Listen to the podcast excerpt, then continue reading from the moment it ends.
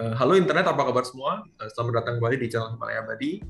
Uh, bersama saya Wilson. Sekarang saya mau interview rekan kita, teman baik, Pak Boyke Janus Ansori dari Universitas Pradita. Beliau ini bergerak di interior design ya Pak ya, gelar sarjana seni dan MDS. Dan kemarin kita sudah melakukan kelas seminar bersama Universitas Pradita dan juga himpunan mahasiswa interior. Uh, jadi saya persilakan Pak Boyke untuk memperkenalkan diri Bapak sejenak uh, kepada tim di channel Himalaya Badi uh, sama buat audiensnya. Baik, terima kasih Pak Wilson hmm. dan manajemen PT Himalaya Abadi. Perkenalkan nama saya Boyke Yanusansori. Uh, saat ini kesibukan saya adalah uh, pengajar dosen di program studi desain interior. Lalu yang kedua researcher di bidang innovation design. Lalu eh, saya juga staf ahli UKM untuk Kementerian Perdagangan periode 2021-2022 lalu juga sebagai praktisi desain terutama untuk bidang kontraktor di interior designer. Nah, uh, untuk perkenalan awal ini mungkin saya juga menambahkan untuk saat ini juga saya sedang melanjutkan studi juga S3 di Universitas Indonesia di program studi antropologi di konteks desain uh, arahnya ke sana dan baru satu tahun berjalan. Mungkin itu perkenalan singkatnya. Mantap, mungkin kita expect Bapak akan jadi guru besar satu hari Pak ya. Aduh, amin. Ya. Oke Pak, uh, saya mungkin bertanya sekitar personal life dulu. Uh, benar ya Pak ya. Jadi uh, Bapak uh, bachelor degree-nya di sarjana seni uh, di interior Pak ya. Iya. Yeah. Uh, magister studi pembangunan MDS title. Apa sih yang uh, membuat Bapak tertarik untuk berkecimpung di dunia desain dari awalnya? Baik. Jadi kontekstualnya dahulu itu saya SMA-nya itu sekolah di bidang uh, industri produk kreatif di furniture di hmm. Semarang Eh, empat tahun sekolah sekolah di sana ya. Kalau SMA tiga tahun, ini sekolahnya empat tahun memang empat tahun. Hmm. Karena desain produk arahnya ke hunian, akhirnya saya tertarik juga untuk melanjutkan studi di bidang desain dalam konteks hunian yang lebih kompleks. Karena hmm. pada waktu saya belajar di sebelum kuliah itu konteksnya ke produk tangible ya satu, dua, tiga produk. Akhirnya saya memberanikan diri untuk kuliah di studi di desain interior di Universitas Tarumanegara itu angkatan pertama saya waktu itu dibuka. Lalu setelah itu bekerja di bidang desain juga saya jadi kepala produksi waktu itu. Hmm. langsung. Jadi eh, kepala produksi setelah itu lanjut lagi S2 seperti itu. Lanjut S2 di bidang desain juga lebih spesifik ke makro desain dan akhirnya saya bisa mengetahui manfaat apa itu desain ternyata desain itu konteksnya bisa mengintegrasikan dari aspek inovasi yang ada di benak kita sebagai seorang desainer dan itu bisa bermanfaat buat masyarakat yang membutuhkan. Arahnya ke sana, Pak. Oke, jadi awalnya dari spesifik produk desain berkembang yeah. ke interior design dan berkembang ke uh, master. Apa sih mungkin yeah. saya mau nanya perbedaan yang signifikan antara produk desain dan interior design? Kayaknya agak sedikit uh, bergabung ya dia punya industri. Iya. Jadi kalau interior design itu konteksnya uh, seperti saya di satu ruangan ini satu kafe, ini interior saya. Jadi manusia bisa merasakan ekspektasi kenyamanan. Hmm. Satu kafe ya, hawa dingin, penerangan baik, kenyamanan duduk di kursi. Nah. Itu itu ambience interior. Tetapi kalau produk desain yang saya pelajari waktu itu ke, ke jurusan ya istilahnya kekhususannya ke produk-produk kelengkapan dunia dan hmm. bisnis itu arahnya ya ke arah kelengkapan produk interior yang artinya itu adalah kelengkapan produk-produk furniture. Nah, produk-produk furniture itu yang saya pelajari waktu sebelum saya kuliah. Produk-produk hmm. furniture. Sebenarnya kalau cakupan produk desain itu ada luas, ada produk desain engineering, produk desain uh, transportasi, produk desain lifestyle, produk-produk hmm. desain alat-alat kesehatan banyak sebenarnya. Yes. Mulai dari kita lahir sampai kita tua, kita butuh namanya produk desain. Oke. Okay. Kacamata ini produk desain. Tapi hmm. spesifik saya, saya mempelajari di S2 itu tentang produk desain secara general. Tetapi hmm. sebelum saya kuliah, produk desain yang arahnya lebih ke uh, furniture, kelengkapan hunian. Oke. Okay. Jadi saya bisa sampaikan seperti itu. Hmm.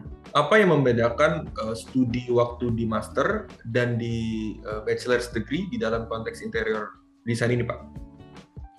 Penajamannya kalau, aspek nanti. Ya, penajamannya kalau di uh, studi S1 tentu saja lebih spesifik ke arah bagaimana kita dibekali untuk bisa membuat peka terhadap membuat satu konsep desain yang dibutuhkan oleh uh, masyarakat.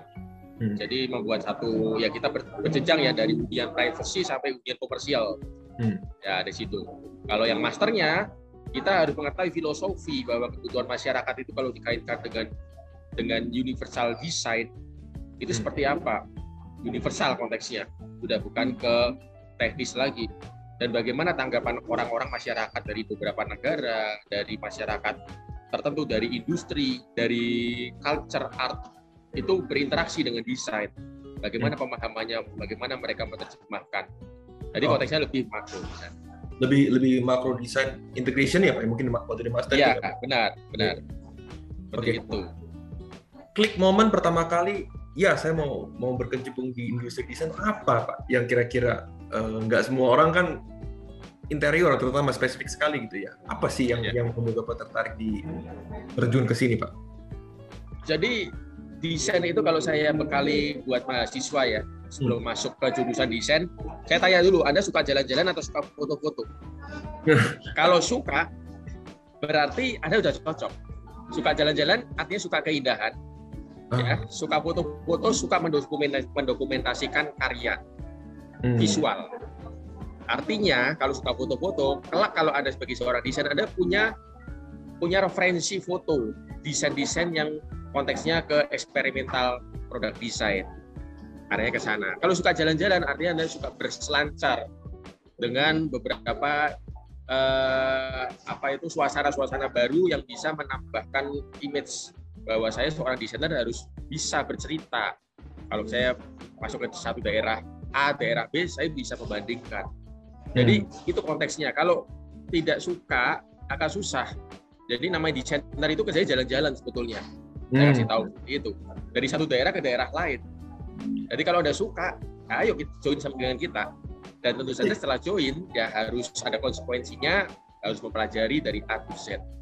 Oke, berarti mulainya itu karena kesukaan atas hal-hal artistik dan visual ya Pak ya dalam kehidupan yeah. sehari Oh, benar sih. Iya, iya, iya. Nah, tapi kan sebagai seorang akademis Bapak punya pilihan Pak sebelum Bapak terjun ke pengajar. Uh, karena pengajar kan akan berkaitan dengan tridharma Pak ya. Iya. Nah, uh, tapi juga bisa sebagai profesional atau sebagai uh, entrepreneur.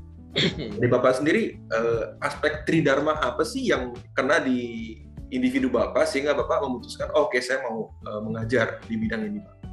Sebetulnya saya mengajar itu karena kondisi aja. Sebetulnya saya tidak hobi mengajar sebetulnya. Karena dulu saya backgroundnya dari teknik, dari teknik produk desain furniture. Begitu masuk S1, satu tahun, dua tahun pertama itu mata kuliahnya seperti mengulang. Apa yang pernah saya pelajari diberikan. Saya menguasai semua. Saya jadi lead di situ tugas hmm. lebih cepat, nilai lebih bagus. Akhirnya dosen itu mengangkat saya menjadi asisten mahasiswa. Di antara teman-teman saya yang masih masih belum mengetahui. Hmm. Nah dari situ di kandidat saya, betulnya saya udah punya kesibukan lain sebetulnya. Ya hmm. udah saya bantu-bantu aja seperti itu. Akhirnya seperti bola salju aja. Ya mengalir aja sebetulnya tidak ada target seperti itu. Walaupun memang mengajar itu secara pengabdian masyarakat Eh, konteks pembelajaran saya nulis saya dapat kalau konteks researcher artinya saya harus mengajarkan satu inovasi baru. Di situ ya saya coba-coba inovasi dari beberapa material. Itu juga menarik buat saya. Jadi hmm. arahnya ke sana pak. Oh iya iya iya. Ya. jadi memang tidak sengaja terkecimpung akhirnya bola salju akhirnya mencintai. Iya iya iya iya. Ya, benar. Nah kalau buat teman-teman yang uh, mungkin sedang mau daftar universitas itu Pak ya. Apa sih yang membedakan secara fundamental Bapak sebagai seorang pengajar dan Bapak sebagai seorang praktisi jadi supaya ada decisionnya hmm, mungkin ke arah mana gitu Pak bisa membantu teman-teman yang sedang memutuskan. Ya, jadi kontekstualnya sekarang kan dengan kecanggihan teknologi saat ini anak-anak muda zaman sekarang kan agak bukan apa ya agak instan untuk mencari informasi instan lebih cepat tidak mau susah nah saya memanfaatkan momen itu dalam konteks begini momen itu kita manfaatkan untuk calon-calon desainer itu untuk bisa memanfaatkan teknologi sebagai trigger awal untuk bisa memaksimalkan segala sumber daya intelektualitas yang mereka punya itu satu. Jadi dengan kecanggihan teknologi mereka bisa cepat cari data. Yang kedua, bagaimana untuk bisa join ke jurusan desain, artinya mahasiswa itu harus bisa menerjemahkan pada waktu nanti lulus mau kerja apa sih. Hmm. Itu satu. Yang kedua, bagaimana konteks eh, program dari pemerintah yang saat ini diprakarsai oleh Mas Nadim ya, uh, Mas Menteri istilahnya saat ini untuk uh, industri bisa berkolaborasi dengan akademisi. Nah, di situlah triggernya. Artinya semua konteks pembelajaran di jurusan apa pun saat ini sudah mulai diarahkan ke industri, implementasi ke industri. Hmm. Dan ini sangat sejalan dengan apa mindset saya sejauh ini. Jangan sampai teori-teori saja di yang disampaikan, tetapi bagaimana implementasinya, kesulitan apa, apakah teori ini valid, apakah teori ini bisa diserap oleh masyarakat, oleh user, okay. dan itulah tujuan utamanya bisnis nanti ke depannya. Oke, okay. gitu. jadi Bapak melihat uh, ini bukan sesuatu aliran berbeda, tapi ini adalah integrated path, ya, di mana nanti studi ya, akan berkolaborasi dengan industri ya. realnya. Ya. Uh, itu yang dicanangkan sama Mas Menteri seperti itu. Ya. Ini yang saya mau tanyakan Pak. Ini kan uh, Mas Menteri sejak menjabat uh, di in, apa di Kementerian Pendidikan ini berubah sekali Pak ya industri uh, edukasi. Uh, sebenarnya itu adaptasi apa sih Pak yang sudah dilakukan dan harapannya kan memang mengintegrasikan. Uh, hmm. Jadi boleh bisa di-share sedikit nggak ke teman-teman mahasiswa atau calon mahasiswa apa yang berbeda dari dulu dan sekarang Pak dari kurikulum yang sebelumnya dan kampus mana sekarang? Selain dari ya, segi jadi, mungkin lebih spesifik kali Pak uh, penjelasan. Okay. Ya, ya ini ini menarik ini, menarik sekali. Uh, sejak sejak zaman uh, Pak Jokowi memimpin ya dan sebelum itu memang ada perbedaan. Uh, kontekstual integrasi dengan industri itu menjadi kalimat seksi untuk saat ini. Hmm. Dalam arti begini, dalam arti uh, kampus dalam konteks masuk ke yang lebih detail ke program studi harus mempunyai inovasi. Bagaimana setiap mata kuliah itu bisa diintegrasikan dengan industri. Itu itu satu. Setiap mata kuliah, ingat setiap mata kuliah bukan bukan setiap prodi, tapi setiap mata kuliah. Artinya setiap mata kuliah itu mempunyai muatan bagaimana industri itu bisa masuk hmm. dalam konteks apa pun ya dalam konteks apa pun kegiatannya. Nah di situlah mahasiswa merasa bahwa apa yang diberikan oleh dosen itu ternyata benar juga dibutuhkan oleh industri dan juga industri support. Support dalam arti apa? Mungkin bisa berakselerasi juga untuk ke depan untuk networking juga arahnya. Keuntungannya apa industri? Industri mempunyai uh, akses besar di mana akses besar itu adalah para calon-calon desainer muda itu dapat uh, ber, berakselerasi dengan industri dan industri mempunyai calon-calon klien. Hmm. Calon klien ini siapa? Ya para desainer-desainer muda ini. Arahnya ke sana, Pak. Oke. Okay. Gitu. Kalau perbedaan dengan yang lalu tuh apa, Pak? Yang uh, yang lalu lebih ke arah mana maksud saya? Ya, kalau yang lalu tentu saja tentu saja agak berbeda ya. Yang lalu uh, kita mendesain dapat nilai 90, dapat nilai B, dapat nilai A, ya udah selesai dipamerkan masuk hmm. kotak, masuk tas. Hmm. Apresiasi ada dari kampus, tetapi apresiasi dari masyarakat. Apresiasi dari masyarakat tentu saja itu kampus-kampus khusus yang mempunyai akses atau dana dipamerkan, dieksibisinkan di tempat-tempat tertentu. Tapi kalau saat ini selain masyarakat juga industri yang, yang harus membuka diri. Hmm. Artinya apa? Tidak harus dipamerkan, tetapi bisa bermain real project di situ. Oke. Okay. Bisa bermain real project. Yang artinya real project itu bisa dikaitkan dengan kepuasan ya, eh, kepuasan mahasiswa, kepuasan dosen, kepuasan program studi bahwa mata kuliah yang mereka sampaikan ke mahasiswa itu bermakna. Hmm. Jadi mungkin lebih kayak gini kali ya, mungkin kesimpulannya uh, saya nangkep gini Pak. Kalau dulu mahasiswa tuh jago gambar, gambarnya cakep sekali, artistik, bisa ikut kompetisi, bergengsi dan lain sebagainya untuk dipamerkan di uh, luar negeri atau lain sebagainya. Tapi sekarang aim-nya bukan ke arah sana, tapi aim-nya adalah bagaimana mengintegrasikan antara lulusan-lulusan ini yang bisa siap kerja. Maksudnya seperti itu, Pak? Iya, jadi benar. Uh, siap kerja dan siap berakselerasi dengan masyarakat, dengan dunia bisnis. Artinya ke sana. Karena sekarang kan terjadi kekhawatiran atau gap. Lulusan S1 sekarang banyak jadi Gojek. Walaupun hmm. Gojek itu kerjaan halal ya. Hmm. Tetapi itu kan jadi catatan dari pemerintah juga. Apa yang salah ini padahal sudah spesifik kuliahnya. Tapi kenapa kok udah putus asa?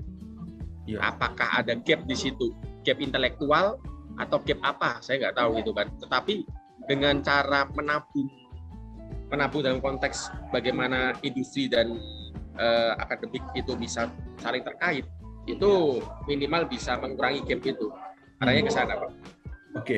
Nah mungkin saya agak sedikit kritis mengenai hal ini pak. Uh, karena mungkin background saya agak sedikit hybrid karena uh, saya memang dari industri entrepreneurship uh, background sekolah saya yeah. Ya. uh, di memang dari awal ditujukan untuk uh, praktek.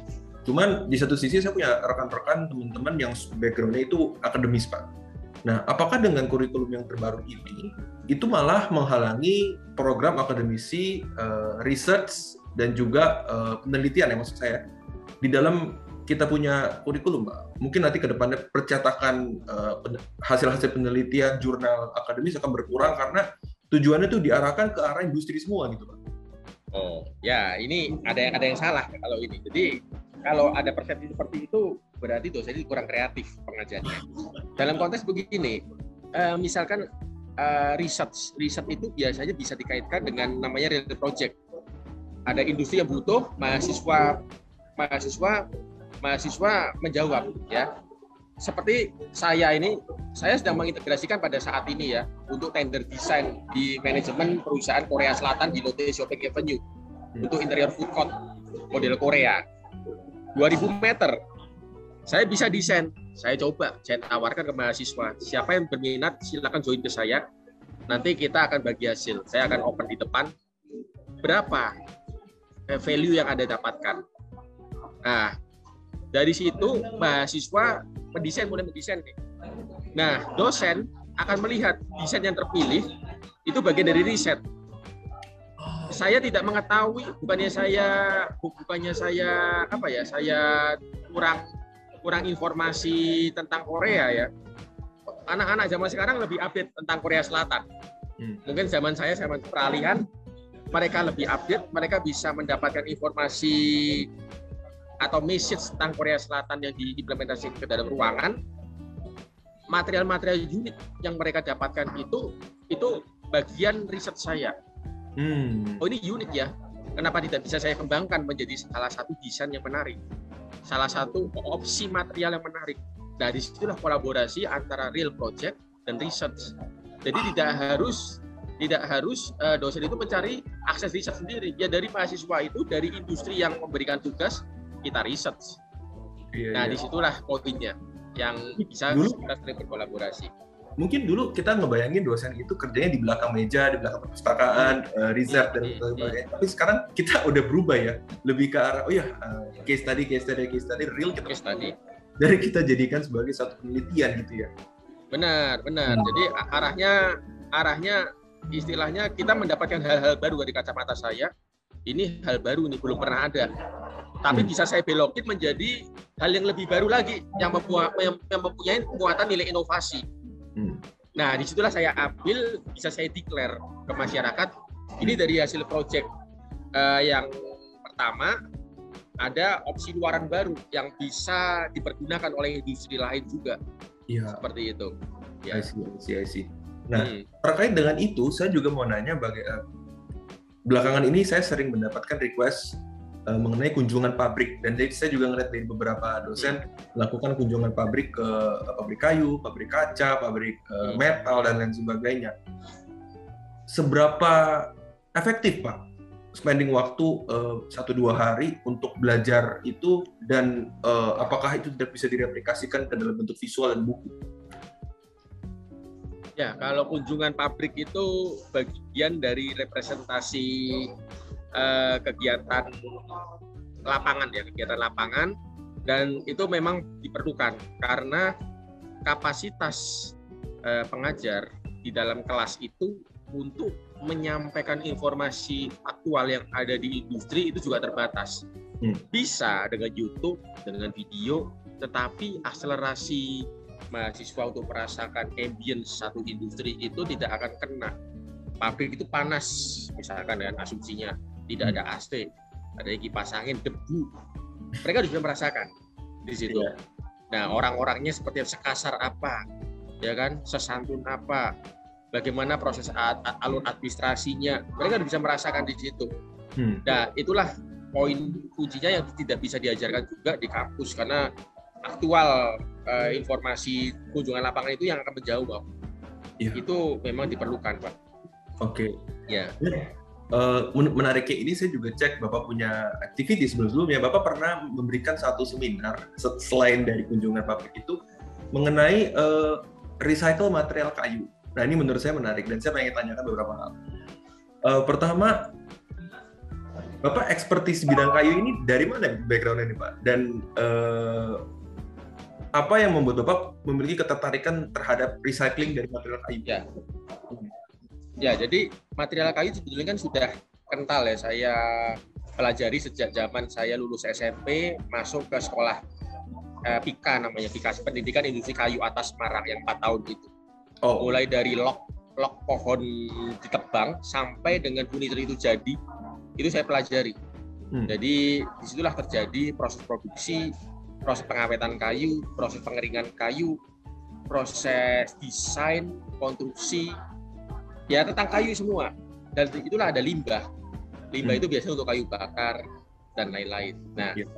saya melihatnya di sini limbahnya yang lebih besar kuantitinya pada waktu saya riset itu uh, saya mengambil satu sampel di perusahaan Indonesia, perusahaan nasional PT Kayu Lapis Indonesia di Kendal Semarang itu bertonton itu bertonton kubik uh, limbahnya hmm. dan sebagian besar ya dibuang begitu saja. Nah di situlah uh, limbahnya apa pak ya? limbahnya seperti apa? Mungkin dibakar? Bentuknya potongan-potongan kecil gitu ya, yang hmm. yang memanjang kalau bapak beli triplek triplek di toko bangunan itu kan ukuran 2 meter 40 kan 1 meter 20 ya. Hmm. Tebal berapa lah. Mereka memproduksi itu. Dari oh. pohon, mereka potong trimming itu sisi tepinya. Itulah di balik sisa itu yang mereka tidak pakai. Dan konteksnya kalau dibakar itu juga eh, apa jadi masalah untuk lingkungan juga. Itu hmm. juga itu juga ada ada peraturannya tidak semena-mena boleh membakar dan lain-lain. Di situlah saya ambil case itu Hmm. Nah, itulah bagaimana itu bisa menjadi raw material terbaru. Hmm. Nah, raw material terbaru yang difungsikan untuk apa? Untuk furniture. Tapi ini furniture. Gimana caranya? Nah, itu makanya itu namanya itu namanya riset. Jadi ada beberapa kajian bagaimana eh, kayu-kayu uh, yang uh, limbah kayu itu ditumpuk menjadi satu ya dengan spesifikasi teknis tertentu.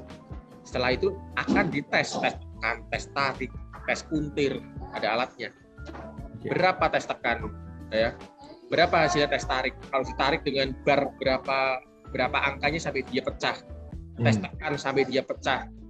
Nah itu kan merepresentasikan bahwa kekuatan raw material terbaru itu akan uh, mewakili kalau itu untuk diproduksi menjadi sebuah uh, media kursi, produk kursi. Hmm. Kalau orang dengan bobot 100 kilo ke atas, dia retak Hmm. Kan kita harus bisa mengakomodir itu juga. Jadi arahnya ke sana Pak nanti.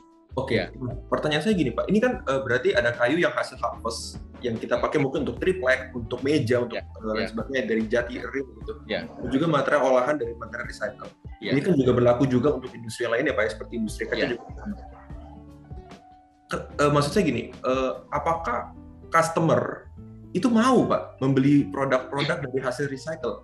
Apakah ya saya mungkin saya pribadi tidak ya karena bukan karena saya tidak mau uh, ini lingkungan tapi karena end produknya kan berbeda pak uh, barang yang di atau di manufacture khusus untuk saya dibandingkan dengan baterai recycle itu bagaimana di sekarang di pasar? Ya, Jadi konteksnya research itu memang tidak serta merta semua masyarakat bisa welcome.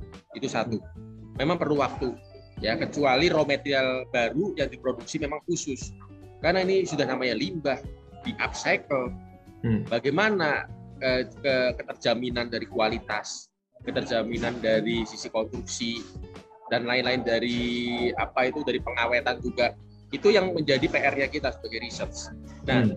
di situ untuk tahap awal ini kita yang namanya menghasilkan satu produk baru itu cuma ada tiga poinnya. Uh, menghasilkan produk yang eksperimental produk, hmm. yang uh, produk yang marketable produk dan trendsetter produk. Oke. Okay. Kita yang eksperimental dulu. Oh. Iya. Eksperimental yeah. dulu. Eksperimental. Ini hasilnya gimana? Setelah itu kan baru kita announce dengan publikasi. Hmm. Kita informasikan ke beberapa industri. Kalau mereka sudah menerima dengan beberapa catatan, kita sempurnakan lagi sampai hmm. menjadi material yang benar-benar itu layak untuk di diakselerasikan menjadi konteks marketable product okay. sebelum menjadi trendsetter. Oh jadi tiga step itu ya Pak?